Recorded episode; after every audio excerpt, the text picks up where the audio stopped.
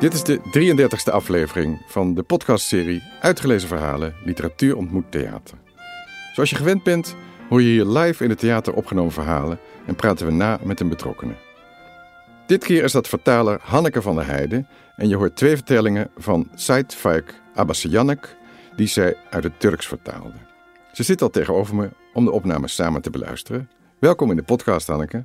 Dankjewel. Voor we verder gaan, richt ik me tot jou, luisteraar. Wat fijn dat je dit hoort.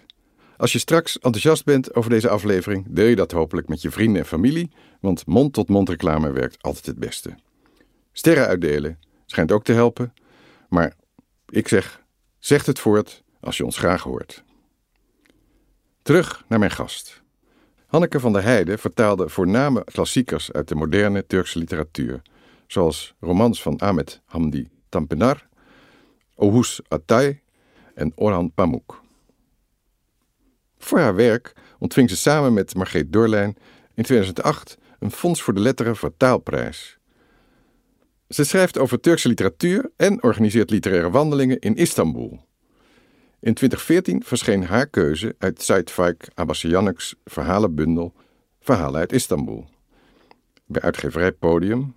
En daaruit hoor je zo twee verhalen. In dat boek staat ook een mooi nawoord van Murat Isik over Said Faik. Said Faik Abbasiyanek leefde van 1906 tot 1954.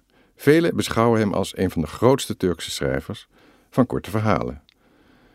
Hij schilderde het leven van arbeiders, vissers, kinderen, werklozen en armen in harde maar humanistische portretten. Hij toonde het stedelijk leven in de eerste helft van de 20e eeuw en onderzocht ook de kwellingen van de menselijke ziel en de pijn van liefde en verraad. Verreweg het grootste deel van zijn werk bestaat uit verhalen. Daarnaast bracht hij twee romans en een dichtbundel uit. Hij studeerde kort Turkologie in Istanbul en ook maar kort economie in Lausanne. Toen hij daarna vier jaar in Grenoble ging wonen, leerde hij het werk van onder meer André Gide kennen. In 1935 keert hij terug op verzoek van zijn vader om in de graanhandel te gaan. De relatie met de autoritaire vader was complex en het werken in de handel beviel hem niet. Hij koos met Abbasiyanek ook een andere achternaam dan zijn vader. Deze naam betekent hij wiens Abba is verbrand en Abba is weer de mantel die arme mensen dragen. Dat was een sneer naar de naam die zijn vader had gekozen in 1923, toen de Turkse overheid je verplichtte om een achternaam te kiezen.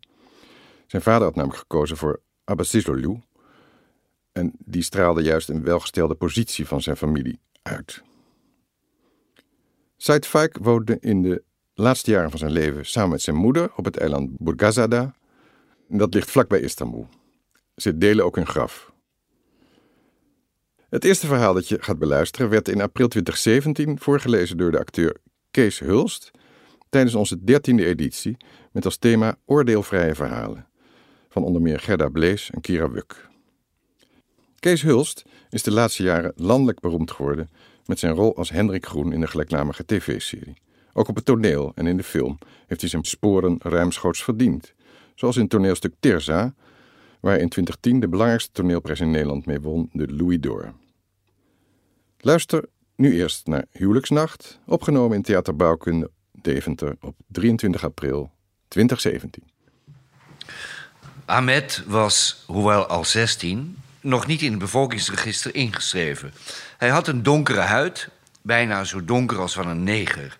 Een platte, brede neus en glimmend haar dat een donkerblauwe gloed over zijn smalle voorhoofd verspreidde. Donshaar bedekte zijn wangen. Zijn tengere gespierde lichaam, in een donkerblauw kamgaren pak gestoken, leek volledig volgroeid. De ambtenaar van het bevolkingsregister was eerst tegen zijn vader uitgevallen toen hij zijn zoon naar voren duwde. Schaam je niet? Waarom heb je die knul niet eerder ingeschreven? Hoe halen jullie het in je hoofd te sjoemelen met de volkstelling? Bij de volkstelling hadden ze hem in een hooischuur opgesloten. Het is weer oorlog, hadden ze gedacht. Hun Ahmed, hun enige kind, zou zeker onder de wapenen worden geroepen, ook al was hij pas twaalf. Uiteindelijk was gebleken wat er aan de hand was, maar toen was het al te laat. Ahmed hoorde niet bij de kinderen van het vaderland. Na een hele tijd had Rustem Agya, zijn vader, de noodzaak van inschrijving ingezien. Is hij al twintig? had de ambtenaar gevraagd. De 16-jarige Ahmed, geregistreerd met het geboortejaar 1330 in de islamitische jaartelling, moest trouwen met een vrouw van 26, geboren in 1332. Een donkere avond in de herfst was het. Boven het dorp leek een wolkbreuk gaande. De regen kwam met bakken uit de hemel. Een paar mensen met een lantaarn in hun hand liepen met Ahmed over het plein, waar hier en daar grote hopen ongepelde kastanjes lagen. Achteraan in de stoet nam Zwarte Abdi Ahmed apart. Ahmed, zei hij, ik ben je getuige. Ik moet je wat zeggen, luister goed. Hij pauzeerde even en vervolgde toen: Als wij je op je rug hebben gestompt en de deur gaat achter jullie dicht, bid je op het gebedskleed op de grond snel twee series gebeden. Snap je wel? Het regende dat het goot. Het water had kuilen in de weg geslagen. Het licht van de lantaarns was ver weg. Ze liepen zonder op de plassen te letten. Hun broeken waren tot aan hun middel nat. Een stel jongens die nieuwsgierig de beslagen ruiten van het koffiehuis in het dorp schoonveegden, moest glimlachen toen ze Ahmed met zijn getuigen langs zagen komen. De oude mannen, die stilletjes aan hun belastingperikelen zaten te denken, kwamen naar de deur van het koffiehuis en riepen Ahmed stuk voor stuk een rare opmerking toe. Verbluft liep Ahmed tegen een berg kastanjes op. Hij deed zich zeer. Abdi hielp hem overeind en riep naar het stel voortlopende groepje met de lantaarns dat ze even moesten wachten. Toen wendde hij zich weer tot Ahmed. En de rest weet je wel. Je bent per slot een hele knul, dat hoef ik je niet allemaal uit te leggen. Ahmed gaf geen antwoord. De stekels van de kastanjes hadden hem pijn gedaan. Hij kauwde op iets, een kastanje of een vraag, dat was niet duidelijk. De stoet met de lantaarns die ze weer inhaalden... was aangeschoten van de paar glazen raki die ze gedronken hadden. Allemaal riepen ze plagerige en ernstige opmerkingen naar die jongen met zijn glimmende ogen, zijn slanke lichaam en zijn korte gestalte. Het huis van Gulsum was vanavond wel heel erg ver. Het begon nog harder te regenen. Ze holden haast. Toen ze aankwamen, deden de vrouwen snel open. De bruidegom zat onder de modder. Ze veegden hem schoon. Zijn donkerblauwe, kamgaren pak had inmiddels dezelfde kleur als zijn haar. Het doorweekte landschap van donkere pluizen die op zijn wangen plakten, had de lelijke jongen knapper gemaakt. En toen een van de vrouwen haar hoofddoek afdeed en het vocht wegveegde, meer zweet leek het dan regen, kreeg zijn huid de kleur en de glans van een opgepoetste appel. Hij keek niet op of om, was nog steeds bezig de naalden van de kastanjes uit zijn handen te halen. Hij kreeg koffie, die hij ondanks Abdi's goede raad in twee slokken op had.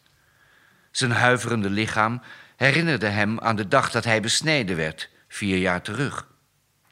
Na een hele tijd trokken ze hem overeind.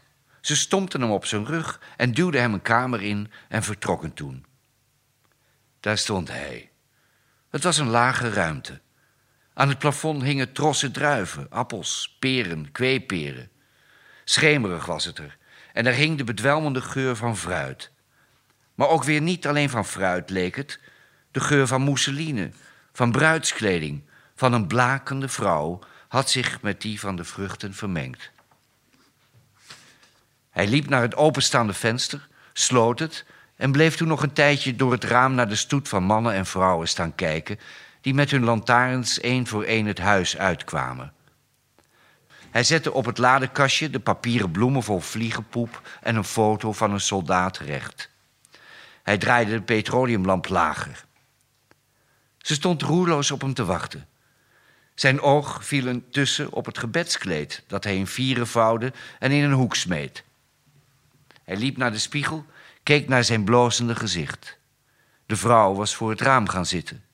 Het kussen in de hoek was leeg, precies zoals Zwarte Abdi had verteld. Je zorgt dat ze tegenover je gaat zitten, had hij gezegd. En dan praat je in ieder geval een uurtje met haar. Hij kende haar niet. Waar moest hij het in godsnaam met haar over hebben? Zijn hoofd gloeide. De zenuwen gierden door zijn lijf. Hij keek nog eens naar zijn gezicht in de spiegel. Een tijd lang staarde hij naar het kousje van de petroleumlamp, alsof hij daar wel iets zou vinden. Doofde hem toen met een beweging van zijn grote handen. De vrouw die voor het raam naar buiten, naar het donker en de regen zat te kijken, was niet meer te zien.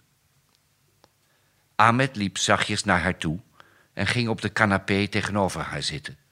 Hij klemde zijn hoofd tussen zijn nerveuze handen. Nadenken lukte niet.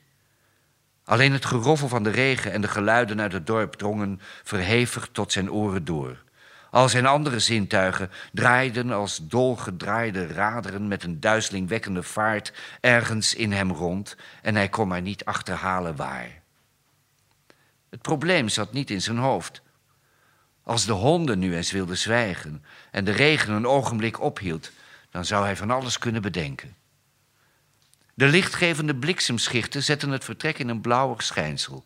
In het licht van één daarvan zag Ahmed, die al die tijd gedacht had dat hij moederziel alleen in een vreemd vertrek was opgesloten, tegenover zich een vrouw met grote, angstige ogen. Het blauwige licht leek hem van haar afkomstig, uit de pofbroek van dat in het wit gehulde wezen. Waren het zijn handen die pijn deden van de kastanjenaalden? Of had hij vanavond te veel gegeten en zat dat pijnlijke, zware gevoel in zijn maag? Zijn blik vertroebelde, zijn hoofd tintelde, zijn bezweten huid koelde af. En rillend als bij een malaria-aanval rolde hij zich ter plekke op. Toen hij tegen de ochtend wakker werd, zag hij haar slapend aan de andere kant van de canapé, opgekruld haast in haar pofbroek. De regen was opgehouden, maar in de ochtendschemering was het plein aan de overkant nog steeds nat. Er klonk nog altijd hondengeblaf. De runderen trokken voorbij met vochtig en mistig rinkelende bellen. Hij zag de herders somber ineengedoken in hun filten capes passeren. Gulzim was nu ook wakker. Ze zag bleek, ze glimlachte, leek het. Het ochtendlicht dat door het raam naar binnen viel, bracht een laagje condens op de trossen aan het plafond. Ahmed had dorst. Hij at een tros druiven. Met de nieuwe tros liep hij op het bleke liggende meisje toe en stopte haar twee druiven in de mond. Toen drukte hij, zonder iets te zeggen, zijn volle en bezweten lippen in de hals van de vrouw, die in de schemer nog eens zo bleek zag. De zon was opgekomen, speelde in de spiegel en in de ogen van hen beiden. Ze trokken de gordijnen dicht.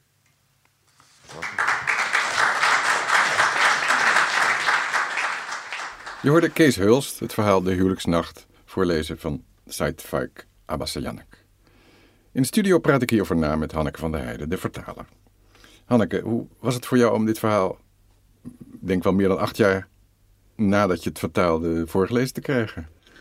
Uh, het is inderdaad een hele tijd uh, geleden dat ik het uh, verhaal, of de hele bundel eigenlijk ja. vertaald heb. Ik denk in 2013. Um, ja, ik was er eigenlijk zelf heel verrast door. hoe, um, ja, ik vind het wel echt een heel erg mooi verhaal. Ja. Het is, ik hou zelf wel heel erg van compacte verhalen en van heel erg beeldende verhalen. Dat, het heeft dit alle twee. Ja. Ja. Je ruikt het fruit bijna. Ja. Als, als luisteraar of lezer. ja. ja. Ja, ja, maar er worden ook heel veel, uh, heel veel dingen gesuggereerd, Ja. heel veel toespelingen uh, gemaakt. En, uh, dingen waar je misschien eigenlijk in eerste instantie zo overheen zou lezen. Maar die, als je het dan het verhaal nog een keer hoort of nog een keer leest, of ja, als vertaler zie je het natuurlijk heel vaak, zo'n Ja. zo'n verhaal.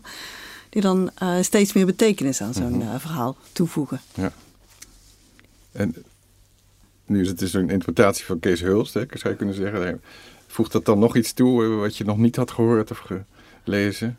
Um, ja, het is, uh, uh, het is eigenlijk vreemd om het dan met zo'n enorm Nederlands ja. accent te horen.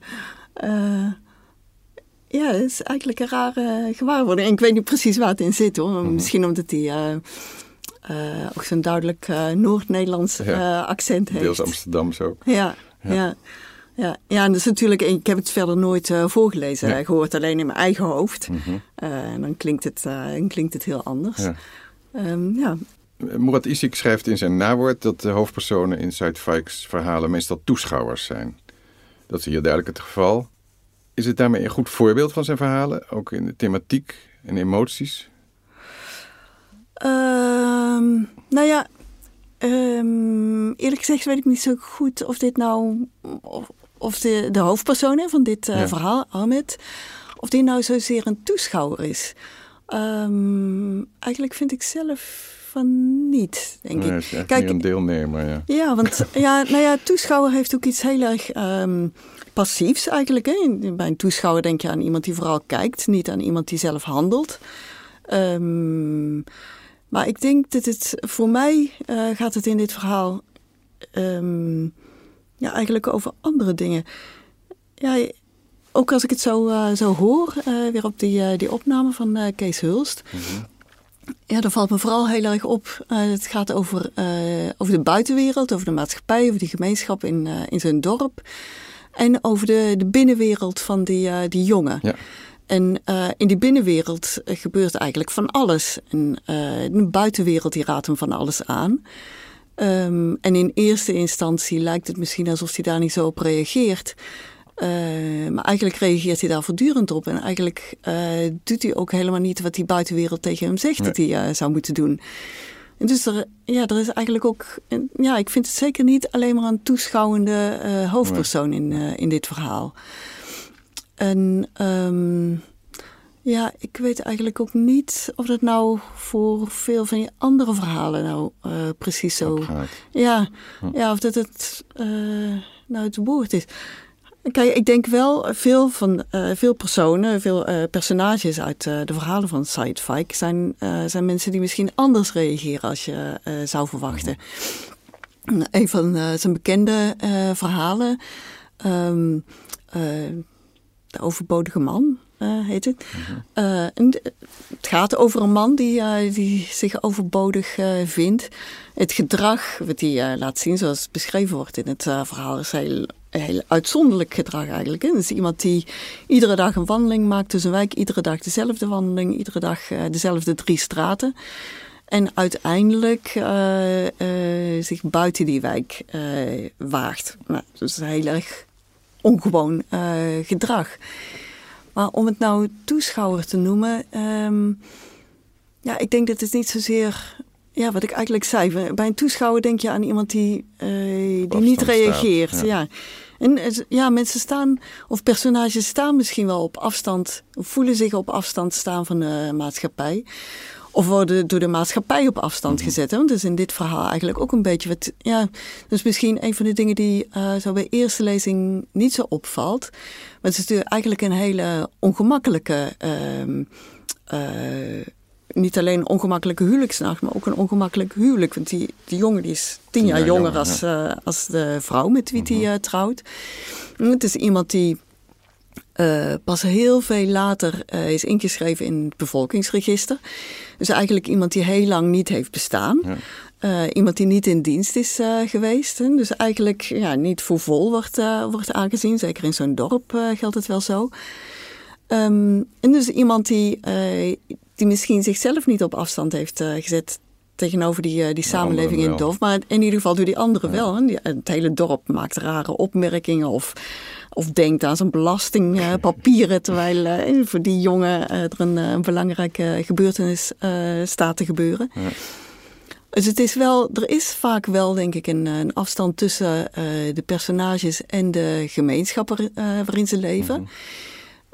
Maar ik denk dat het niet zozeer is dat die, die personages niet reageren op de gemeenschap.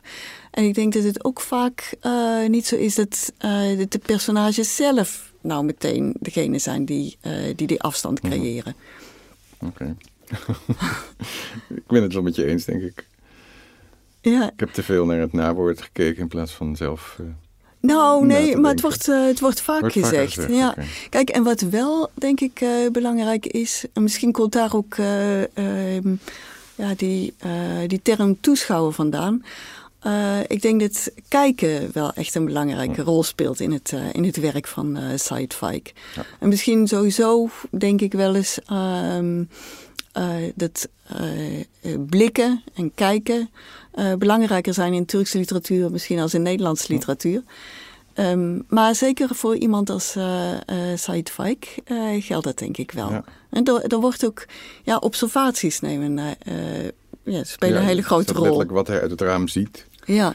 Wordt er beschreven bijvoorbeeld. Ja, ja. maar ook, ook hoe hij zelf naar zichzelf kijkt. Hè? Want er viel me nou eigenlijk ook pas weer op.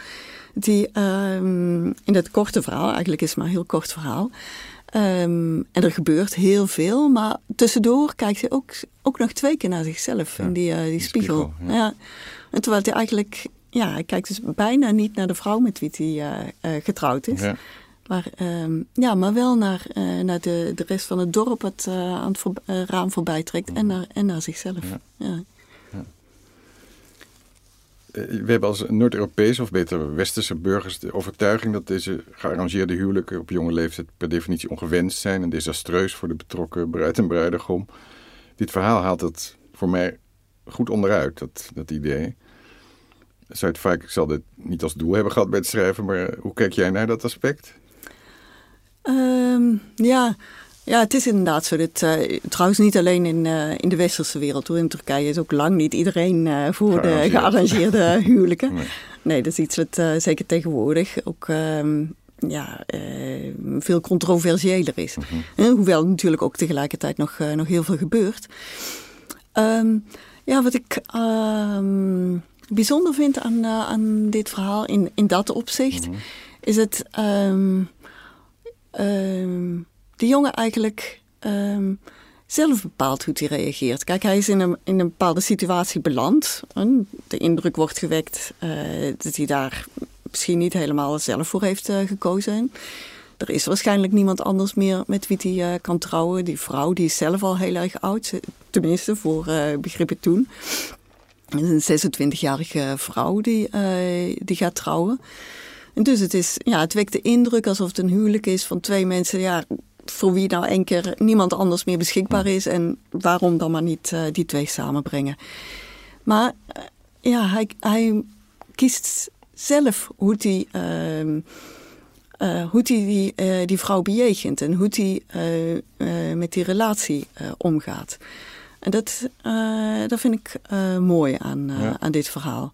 Eh, ja, wat ik net zei, van, eigenlijk uh, houdt hij zich aan geen van de, uh, de adviezen uh, die hij meekrijgt voordat hij die kamer binnenstapt. Hij gaat niet bidden, hij gooit het bidkleed ergens in een hoek. gaat niet met hem praten een uurtje? Nee, nee. nee. ze belanden ook niet meteen in bed. Ze, ze, ze zitten alle twee opgekruld aan hun, hun, eigen hoek van, de, mhm. van de canapé. En ja, pas later, uh, um, als eigenlijk het hele dorp zich heeft teruggetrokken, uh, is er plaats voor zijn gevoelens. En uh, daar geeft hij ook uh, ruimte voor. Ja. ja. Het is heel mooi, dat einde ook. Ja. ja. De gordijnen die gaan en ze nog ja, iets gaan doen wat niemand zal zien. Ja, ja. ja. inderdaad. Ja, het, en die verder in de mond doen, ook prachtig. Ja. Toch heb ik ook het vermoeden dat er een continuïteitsfout in, uh, in het verhaal zit. Zoals je dat in de filmkunst noemt. Dat merkte ik bij het beluisteren uh, gisteren of eergisteren. Een jonge man neemt een vrouw waar zonder haar te durven kijken. Ze, ze stond roerloos te wachten. En ongeveer een bladzijde verder staat er dat hij al die tijd gedacht had dat die moeder zich alleen in het vertrek was. Opgesloten. En dan ziet hij haar voor het eerst met grote angstige ogen. Hmm. Ja ik, ik, ik, snap het zelf niet, maar ja. kan jij het uitleggen? Of? Nou ja, hoe, hoe ik het zie, ik weet niet uh, hoe andere mensen er tegenaan kijken, maar hoe ik het zie is, um, is um, ja, ik heb het idee dat het gaat ook heel erg over zijn eigen waarneming. Hoe hij uh, kijkt naar wat er gebeurt, maar ook hoe hij kijkt naar wat er in hemzelf uh, gebeurt. Hè. Hoe, hij heeft het idee dat, er, ja, dat er, er is iets, maar waar zit het dan precies? Niet in zijn hoofd, misschien komt het toch van buiten of misschien niet. Het blauwe schijnsel. Uh, wat van, ja, van, van bliksem ja. is, maar in zijn beleving misschien helemaal niet van die bliksemschichten.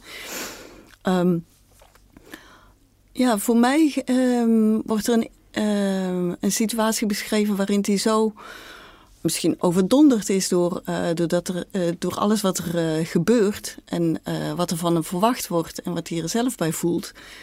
Dat ook zijn waarneming anders is als, als misschien de feitelijke situatie is. Mm Dus dat hij in eerste instantie wel een vrouw ziet die daar staat. Maar vervolgens zo in beslag wordt genomen door alles wat er uh, verder nog buiten hem en in hem uh, zelf plaatsvindt. Dat, het blokkeert of Ja, zo, dat die- het weer... eh, waarneming. ja, ja, Zou kunnen, ja. ja. En ik denk, ja, ook wel in andere verhalen ehm, ehm, speelt de waarneming van, eh, van personages. En hoe een personage eh, kijkt naar, wat er, eh, naar de wereld om hem heen, of om haar heen. En, en de wereld in, eh, in het personage zelf. Eh, speelt vaak eh, een grote rol. En die, die waarneming is ook eh, soms ook heel anders als dat, ja, als dat misschien een objectieve beschrijving zou zijn. Mhm. Of dat, ja, de, de fysieke aanwezigheid van dingen worden anders waargenomen. Ja. En, ja, ik denk dat het in dit verhaal inderdaad al. Ja. Ja. En ja, en dat is vaak in, in latere verhalen van hem speelt dat nog een grotere rol. Mhm. Ja. Oké. Eh, Die schrijver stond ook bekend als auteur die overal kon schrijven. Eh, Citaat, een schrijver met een tafel in zijn zak, werd hij wel genoemd door de Turkse tijdgenoten. Hij schreef desnoods op zijn knie hele verhalen, is, is het verhaal. Mm, ja. Maar ik heb je eh, een stuk gevonden waarin je zelf terugkijkt op je vertaalwerk hierover. En dat je er toen achterkwam dat het waarschijnlijk een fabel is. Hoe, hoe heb je dat kunnen concluderen? Ja, eh, nou ja, misschien een fabel met een, eh, een, een kern van waarheid. Dat weet ik niet. Ik denk dat hij wel veel. En er is ook zo'n foto waar hij eh, zit met een soort van aantekenboekje naast mensen die ook personages in een, in een kort verhaal van hem zouden kunnen zijn. Dus is- misschien dat hij wel allerlei aantekeningen maakte die hij later gebruikte voor zijn verhalen. Maar ehm, hij heeft een, een museum, het huis waar hij ehm, eh, het laatste deel van zijn leven heeft eh, gewoond. Op een van de Prinseneilanden, Burgazada. Eh, is een museum tegenwoordig. En daar staan ook allerlei spullen van hem uitgestald. meubels en zijn bureau. En Ja. ehm, zo'n ding om inkt mee droogt een agenda. En er liggen ook... eh, versies van eh, korte verhalen die hij eh, geschreven heeft. En daarin kun je zien dat er ook ehm, ja, van alles. hm, er zijn meerdere versies van ieder verhaal. Die verhalen die zijn bewerkt. Dus het is niet zo. ehm, ook al wekken die in zijn verhalen soms misschien de indruk, zeker in, in, in dialogen. alsof ze zo rechtstreeks op papier zijn gegooid. Eh, ik denk in die, eh, die verschillende versies van die verhalen laten zien dat er eh, tegelijkertijd ook heel veel aan herschreven en Ja. bewerkt is. Ja. Ja, dus dat misschien dat hij noteerde bepaalde flarden van, van conversatie Ja. in, het, in het koffiehuis en die later kon gebruiken. Nou, kijk, ehm, waarom er misschien ook vaak zo over hem gedacht wordt, is dat hij ehm, eigenlijk in, in tegenstelling tot veel van zijn tijdgenoten veel aandacht had voor eh, dagelijks taalgebruik. Dus eh, niet voor hele gestileerd of hele, ja. ja. maar juist voor hele dagelijkse eh, dialogen. En en het eh, kan vast, vast zo zijn dat hij eh, daar allerlei aantekeningen eh, voor maakte die gebruikt in zijn, in zijn verhalen. En dat is wel echt iets wat hem onderscheidt van veel, van, zijn, eh, zijn, veel van zijn tijdgenoten. En ook Ja. een deel van zijn populariteit dan waarschijnlijk aan te danken is dat mensen herkenden wat er... Ja, nou in eerste werd, of- instantie lang niet bij iedereen. Want in eerste instantie vonden veel mensen. populair? Nou, in eerste instantie vond, waren mensen niet zo te spreken over dat eh dagelijks taalgebruik. Maar later, eh, later juist eh, veel meer. En tegenwoordig is die echt enorm populair in Turkije. Ja. ja. Tot slot van dit eerste gesprek, en even los van dit verhaal, hoe ben je Turks vertaler geworden? Wat is je, je hoe is je fascinatie, neem ik aan, voor het land en de taal ontstaan? Ehm, nou ja, voor Turks eh fascinatie is... ik studeerde eigenlijk toegepaste taalwetenschap in, in Tilburg. Eh, en de, de gedachte van die opleiding was, tenminste van de richting die ik deed, taal en minderheden, was dat je eh, na je afstuderen ehm, bijvoorbeeld als docent Nederlands als tweede taal aan het werk eh, zou kunnen. En dat betekent dan in veel gevallen Nederlands als tweede taal onderwijzen aan Turkse, eh, ehm, eh, Turken in Nederland of Marokkanen in Nederland. En een van onze docenten die was Turkoloog. Eh, dus, eh, een Turkoloog is iemand die eh, Turks heeft gestudeerd. Ja. Die zei van ja, maar ja, dan is het eigenlijk, voordat je aan zoiets begint als docent, is het eigenlijk toch ook goed om zelf ook ervaring te hebben in het leren van een taal die zo die echt heel anders is als, als Nederlands. Want het, ja, zo geldt het voor Turken of Marokkanen. ja. ja. Nou ja, ook om, om te weten wat, ja, wat het betekent om zo'n andere taal te leren. Hij is toen begonnen met het geven van Turks als bijvak. Dat heb ik toen drie semesters gedaan. En ja, ik vond het heel erg fascinerend. Ook om, omdat het een, inderdaad een taal is die echt zo, zo anders is. Die in structuur en in woordenschat ja, eigenlijk in niks lijkt op de talen die je normaal gesproken op de middelbare school bijvoorbeeld leert. Dus, uh, het is geen Indo-Europese taal, Turks. Um, het is dus ook niet verwant met uh, talen die in, in West-Europa gesproken worden. Het is eerder verwant met talen uit Centraal-Azië bijvoorbeeld. Of, ehm, taal als Azeri, Kirgizisch, Oeigoers, Tataars, dat soort talen. Um, ja, ik vind het interessant om. Kijk, in, in zekere zin was het natuurlijk volledig toevallig. Het had ook een andere taal kunnen zijn die heel anders is als het Nederlands. Het had ook Chinees kunnen zijn, mm. of Japans, of Arabisch of, of een Afrikaanse taal. Maar toen, toen die taal één keer op mijn pad was gekomen, wilde ik er heel graag mee verder. Ja, om, um, omdat het iets heel intrigerends heeft om zo'n heel ander systeem onder de knie te krijgen. En ook om te zien, nou ja, nou ja, om te zien ook hoe, hoe zo'n taal functioneert in een uh, hele andere uh, maatschappij. Maar dat bleek pas later, want ik ben begonnen met de taal. Ik ben pas later naar, naar het land gegaan. Ik kende ook helemaal geen Turken. Toen ik begon met, met het leren van de taal. Um, dus die, die taal en die maatschappij, die vond ik later heel erg fascinerend. Maar wat er nog bij komt, en dat heeft ook met vertalen te maken is als je een, een, een andere taal um, ja, probeert te leren, leer je tegelijkertijd ook heel erg veel over je moedertaal. En um, ja, ik denk dat iedereen die uh, enige ervaring heeft met een, een andere taal, al is het maar um, op vakantie bijvoorbeeld, als je je verstaanbaar moet maken bij, bij een bakker. Um, ja, het, laat je zo intens voelen hoe bijzonder het is dat je een taal hebt die je kunt gebruiken zonder dat je erbij na hoeft te denken. Um, waar, je hele kleine betekenisnuances in kunt uitdrukken. Um, ja, eigenlijk als vanzelf. En die, ja, ik vind het nog steeds eigenlijk iets enorm fascinerends. Ja, dat zoiets zo vanzelf gaat. Ja. En dit, de dingen Kijk, dat merk je bij literair vertalen natuurlijk en, en ook bij tolken. Ik tolk ook wel. Um, ja, merk je het vaak hoe, hoe hele kleine woordjes of hele kleine zinswendingen... of bijvoorbeeld het gebruik van een bepaalde werkwoordstijd... Uh, hoeveel betekenis dat kan toevoegen aan iets. En, en hoe anders een betekenis wordt als je juist een andere werkwoordstijd... of een ander woord of een andere constructie kiest... Um, nou heeft tegelijkertijd ook iets heel engs eigenlijk. En vooral als je tolkt. Want dan hangt er meteen ook heel veel aan vast. Um, maar het heeft ook iets heel erg intrigerends. Ja. En ik had, ja, toen ik Turks ging studeren... Um, ik, ja, het vertalen leek me altijd al heel erg leuk. Eigenlijk sinds ik Latijn deed op mm de middelbare school. En bij Latijn dacht ik heel vaak van... Ja, je moet natuurlijk veel vertalen als je Latijn uh, krijgt op een middelbare school. Maar wel vertalen um, om te laten zien dat je de Latijnse constructies snapt. Maar niet zozeer om er ook een fatsoenlijke tekst in het Nederlands nee. van te maken. En ja, dat stoorde me op de middelbare school eigenlijk al. Dacht ik, nou ja, dat, is heel vaak. Ja, ja, ja. Maar ik had ook ehm, ja, in eerste instantie had ik nooit gedacht dat ik daar ook echt een brood mee zou, okay. zou kunnen verdienen. Dus het is echt in de loop van de tijd naartoe gegroeid.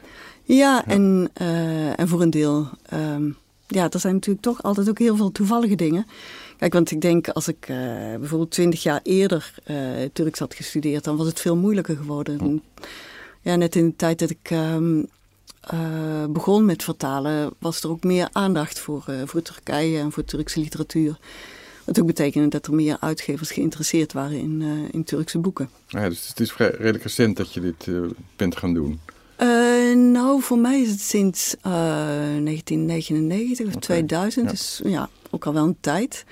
Maar daarvoor, er zijn natuurlijk in het allereerste boek uit het Turks is in 1938 verschenen in het Nederlands. Hoewel dat denk ik uit het Engels is vertaald. Oh. Maar de eerste boeken die echt uit Turks vertaald begonnen te worden, was in de jaren 60 en 70. Mhm. Maar toen was het echt nog heel erg zo af en toe een titel die, ja. uh, die verscheen. En, uh, dat gaat ja. nu veel beter. Ja. ja. Tenminste, veel is misschien geen juist woord, maar het gaat beter. Het gaat beter, ja. We gaan nu een tweede verhaal uit de bundel horen. Eentje die heel veel Turken nog schijnen te kennen. Ik heb dat gecontroleerd bij een Utrechtse taxichauffeur van Turkse origine paar jaar geleden, herkende de schrijver en vooral het verhaal pst, heel goed, beweerde hij. Nu is er met de voordracht die je zo gaat horen wel iets aan de hand, luisteraar. De acteur die zou komen voorlezen was op het laatste moment ziek geworden en we konden geen vervanger vinden. Dat was in al die jaren de enige keer dat we geen professioneel acteur lieten voorlezen, maar dat de presentator van de avond, ik dus, de voordracht op zich nam.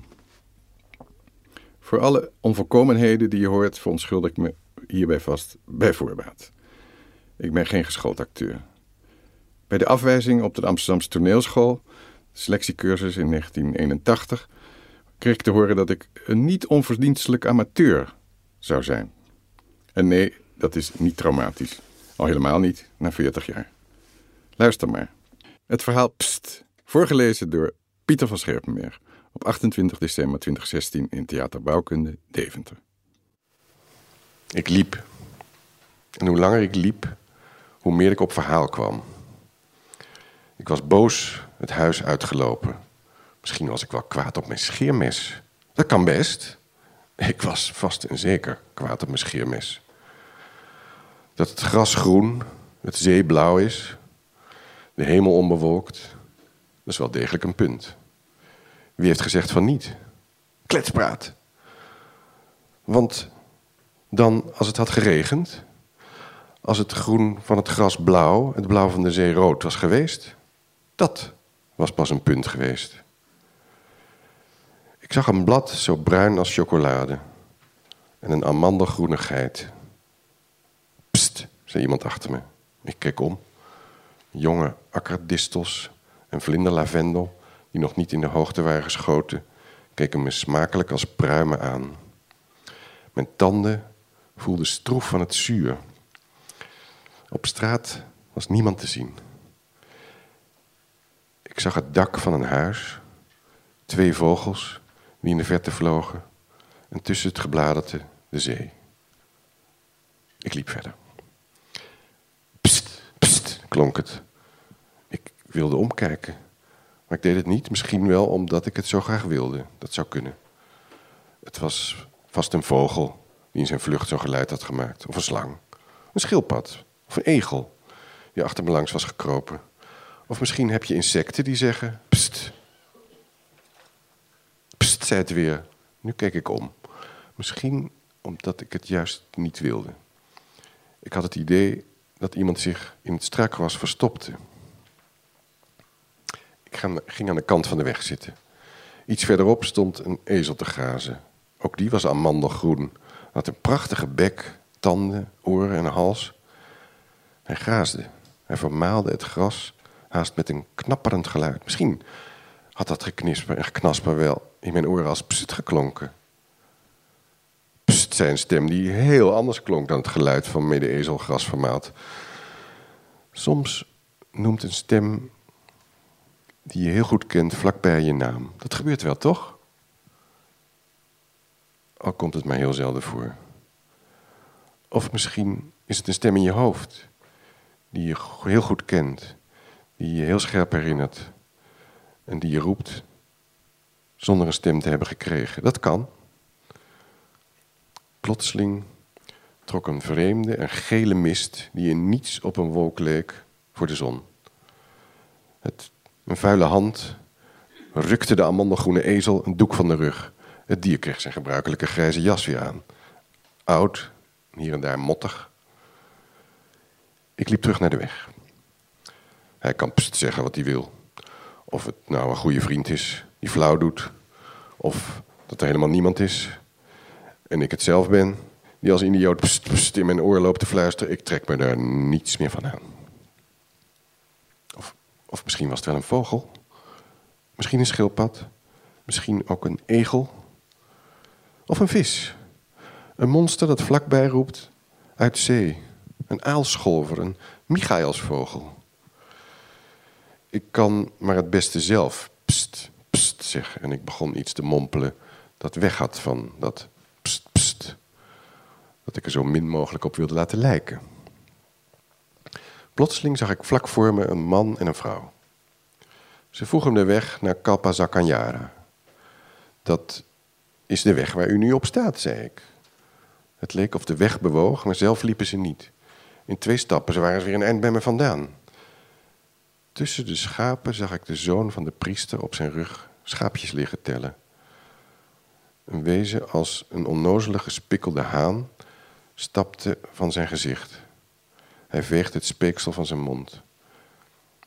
Hij pakte het lam bij zijn poten. Met beest en al op de grond. Hij kuste het op zijn snuit. Het gezicht van de jongen stond lelijk, onnozel, afgetrokken. Nu was ik in het veld vol bloemen. Het was beslist een vogel die pst tegen me zei. Je hebt van dat soort vogels. In plaats van te chilpen zeggen ze pst.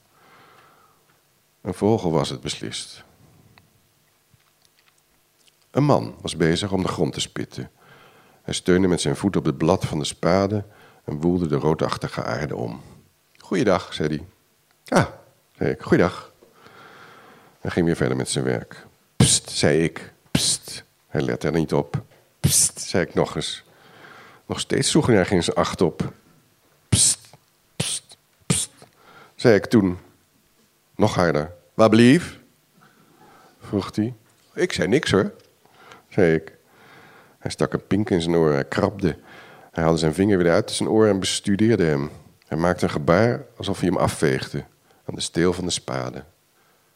Pst, zei ik. Pst. Hij keek omhoog naar de lucht. Hij keek naar de vogels. Hij keek naar de zee. Hij draaide zich om en keek wantrouwend naar mij. Hoe zijn de artisjokken dit jaar? vroeg ik. Niet best, zei hij. Wanneer ga je de tuinbonen oogsten? Dat duurt nog wel even. Ik zei pst, alsof ik ademhaalde.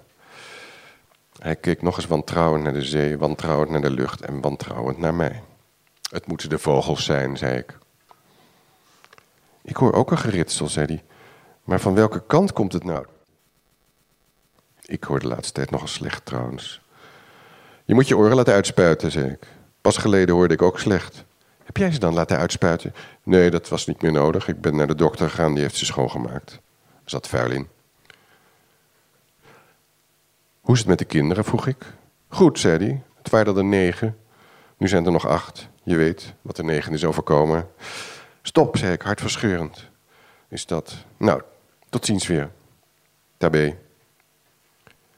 Ik was nog maar een klein stukje verder of toen ik hoorde... Pst, pst. Nu had ik hem, de tuinman. Jazeker, hij was het.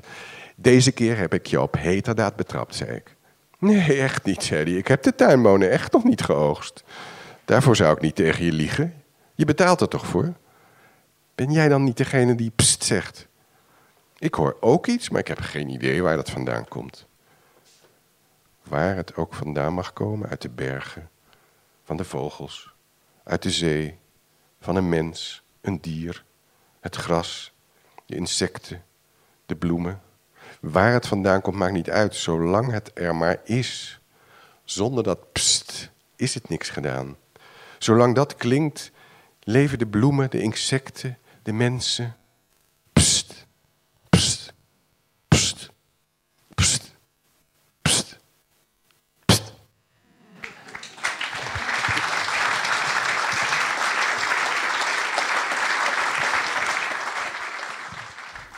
Dat was Pst van Zuidwijk, verteld door Hanneke van der Heijden, met wie ik weer verder praat. Het was een veel raadselachtiger verhaal, Hanneke. De sfeer en vervreemding beviel me tijdens het voorlezen, zoals je misschien hoorde, maar ook nu weer. Een man die zichzelf en zijn omgeving voor de gek houdt. is het onder andere. Hoe interpreteer jij het verhaal? Ehm, nou ja, het, het is inderdaad een, heel raadselachtig uh, verhaal. Ehm, ja, voor mij ehm, gaat het over. Kijk, zoiets van. Pst, wordt heel vaak in, uh, in Turkije gezegd tegen mensen die, uh, die, die, de aandacht uh, willen trekken. Bijvoorbeeld mannen die de aandacht van de vrouwen willen ja. trekken. En ja, het is een manier van aandacht trekken of een, een manier van contact leggen um, met mensen. En ik, ja, ik denk dat het daarover, tenminste zo lees ik het mm-hmm. verhaal. Ja. Um, ja, dat er zonder, zonder contact, niet alleen tussen, uh, tussen mensen, maar ook uh, tussen mensen en dieren en uh, de natuur, de zee, de bergen. ja, zonder, zonder al die andere wezens en verschijningsvormen kan het niet. Nee. Dus dat onderstreept dit verhaal voor je ook? Ja, ja. Zo, ja, ja. zo lees ik het. Ja, ja. ja inderdaad.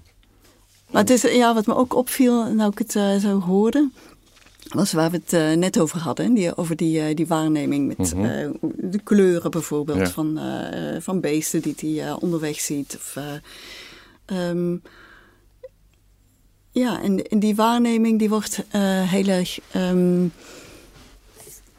die is vaak ongebruikelijk. Het gaat niet over. Ja, je kunt dingen dus kennelijk op hele verschillende manieren uh, waarnemen. En ik denk dat daarbij uh, uh ook vaak over gaat. Het is, er is, het is um, vaak bevreemding in de manier waarop mensen reageren. Maar eigenlijk is de wereld zelf ook vreemd. Of, kun je dus, of in ieder geval meer duidelijk. Je kunt op hele verschillende manieren naar de, de wereld kijken. Je kunt, ik kan kleuren heel anders zien als iemand anders ze zou uh, kunnen zien. Ik kan geluiden anders horen als iemand, dat iemand anders ze zou, uh, zou horen. Um, en ik denk dat dat iets is wat in heel veel van die verhalen van hem uh, voorkomt. Ja. ja. Dat hele persoonlijke ervaringen die, die uh, mooi weer te beschrijven. Ja. Zienswijzen. Ja. En ook, ja, ik weet het niet, je zou af kunnen vragen, misschien heeft het ook iets te maken met hoe kenbaar de wereld is of hoe kenbaar andere mensen mhm. zijn. En zoals je nou, bijvoorbeeld in het eerste verhaal um, de, de hoofdpersoon, die mannelijke hoofdpersoon, die probeert uh, te achterhalen wat hij voelt en waar het uh, vandaan komt. Maar heel vaak, heel vaak uh, wordt hij ook van buiten af beschreven. En um, zoals in dit verhaal er ook van buiten afgekeken wordt naar, naar een ezel die onderweg naar het gras, wat, wat de hoofdpersoon ziet. En ja, we weten heel vaak niet wat er in, in al die uh, personen of in die uh, dieren of uh, natuurverschijnselen omgaat. En we kijken er ook nog eens een keer allemaal anders ja. tegenaan. Ja. ja, dat ja. inderdaad heel goed. Ja. ja. Je schreef voor Atheneum Boekhandel een beschouwing over je eigen vertaalwerk destijds in 2014. Ik ga een stukje voorlezen daaruit. Als ik iets in zijn algemeenheid moet zeggen over de vertaling van Said Faik's verhaal uit Istanbul, dan gaat het precies over de verbanden, de coherentie in de tekst. Over Said Faik's talent om weinig expliciete logische verbanden aan te brengen en tegelijkertijd de sfeer te creëren alsof er in een koffiehuis iemand tegen je praat. Voor de Nederlandse vertaling betekent dat vooral dat je heel voorzichtig moet zijn met het gebruik van allerlei voegwoorden en partikels. Woorden als nu, nou, toch, die vaak ongemerkt de zinnen binnensluipen en wel degelijk een verband aangeven. Einde citaat. Volgens geef je in dat stuk een klein voorbeeld van de eerste zinnen van volgens jou een van de mooiste verhalen uit de bundel, getiteld Vier Plusjes. Over een man die uh, ziek blijkt te zijn, maar wil het niet weten. En uh, de ik-figuur wil het hem ook niet zeggen, als ik het mm -hmm. heb onthouden. Wil je dat je eigen vertaling ervan voorlezen en daarna het stuk wat je in dit, op deze webpagina hebt gezet, waar wel partikels in zitten, ja. zodat de luisteraar het verschil hoort. Oké, okay. ja. De vertaling dus van die, uh, die eerste zinnen van het uh, verhaal, uh, vier plusjes, zoals, het, zoals mijn vertaling luidt, zoals ja. die in het boek staat. stel, je loopt op straat Je wilt een sigaret opsteken, maar hebt geen lucifers. Wie vraag je om een vuurtje? Wie spreek je aan als je de weg moet vragen? Er is een oploopje. Wie vraag je wat er aan de hand is? Ik ben zo iemand die makkelijk om een vuurtje om de weg wordt gevraagd. Soms ben ik daar blij om, soms niet. Dat is um, uh, zoals ik het vertaald heb. Um, wat snel gebeurt als je, als je vertaalt en vooral als je um, ja, hele spreektalige stukken vertaalt, is dat er uh, dus ja, wat we uh, partikels noemen uh, tussen komen. Dus eigenlijk allerlei spreektalige woorden die vaak ook een, een verband aangeven. Kijk, ik zou hetzelfde stukje ook zo kunnen vertalen. Stel dat je op straat loopt en dat je een sigaret op wilt steken, maar dat je geen lucifers hebt. Wie vraag je dan om een vuurtje? Of wie spreek je aan als je bijvoorbeeld de weg moet vragen? Of als er een oploopje is, wie vraag je dan wat er aan de hand is? Ik ben nou zo iemand die ze makkelijk om een vuurtje of om de weg vragen. En soms ben ik daar blij om, maar soms ook niet. Ik hoop dat de luisteraar het heeft meegekregen, maar ik denk het wel, want het was echt duidelijk. Het eerste fragment was nogal uitgebeend en ik zou bijna zeggen staccato. Uh, van, van opbouw en inderdaad zonder onderling verband. Het, zijn, het lijken bijna losse opmerkingen. Terwijl in de tweede heb je daar een heel erg lopend geheel van gemaakt. Ja, ja. ja en ik denk. Um, uh, nou ja, ik, ik, denk dat het uh, vaak zo is bij, bij vertalen. Dat je um, heel erg uit moet kijken om geen verbanden, geen ja, verbanden uh, tussen zinnen of tussen gebeurtenissen niet explicieter te maken als dat ze uh, in, in het origineel zijn. Ja, ja. Want dat is natuurlijk waarom je het zo hebt, uiteindelijk hebt gedaan zoals het is geworden. Ja, ja, ja. en ik denk, ja, zeker bij zo iemand als um, uh, Said Faik, is het denk ik heel erg belangrijk. Ik vind, ja, ik vind zijn verhalen onder andere heel erg mooi omdat ze zo uh, compact zijn. En die, uh, die compactheid zit natuurlijk in de uitsneden in. Eh, de dingen die hij wel beschrijft en dingen die hij niet beschrijft. Maar ook in de manier waarop hij ze beschrijft. In, in wat hij wel zegt en wat hij niet zegt. In um, hoeveel woorden hij aan iets besteedt. Ik denk, um, ja, ik denk eigenlijk ook dat uh, de dialogen, maar bijvoorbeeld ook uh, beelden. Ja, hij heeft heel vaak heel erg beeldentaalgebruik dat die uh, sterker worden als, er, um, uh, als ze compacter zijn. Ja. ja. Je vergelijkt je vertaalwerk van Zuidvaak in genoemd essay ook met een mobiel. Kun je dat voor de luisteraar toelichten? Um, ja, uh, dat heeft eigenlijk te maken met hoe um, expliciet of impliciet verbanden tussen, tussen zinnen en tussen gebeurtenissen in zo'n verhaal zijn. Ik denk ja, voor mij is uh, Said iemand, hm, ik zei het al, die compact schrijft, maar die ook vaak verschillende dingen noemt. Zonder precies te zeggen wat het verband tussen die, die zinnen of die gebeurtenissen is. Maar als je zo'n verhaal goed leest, dan, dan zie je uiteindelijk, of in ieder geval kun je zelf verbanden aanleggen. Je krijgt een idee over wat de verbanden zouden kunnen zijn. En um, ja, daarom moest ik denken aan een mobiel, waar je vaak Um, en bij een mobiel heb je allerlei voorwerpen bijvoorbeeld die in de lucht hangen, uh, die in een bepaalde constellatie in de lucht hangen. En vaak is het zo dat uh, je aandacht zo getrokken wordt door, door die dingen die hangen, dat je uh, niet ziet of geen aandacht besteedt aan de dingen waardoor ze kunnen hangen. Dus aan de touwtjes of de, de stokjes tussen die, die verschillende dingen. En zo werken die, die verhalen voor mij ook. Je ziet de gebeurtenissen, um, of je ziet uh, gedachten of uh, uh, gevoelens die benoemd worden. Um, maar hoe het allemaal met elkaar samenhangt, daar gaat in eerste instantie niet de aandacht naar uit. En dat komt eigenlijk pas later. En pas later zie je dat ze wel degelijk iets met elkaar te maken hebben. En dat ze allemaal aan een touwtje aan het plafond hangen, ja, zo gezegd. mooi. Ja.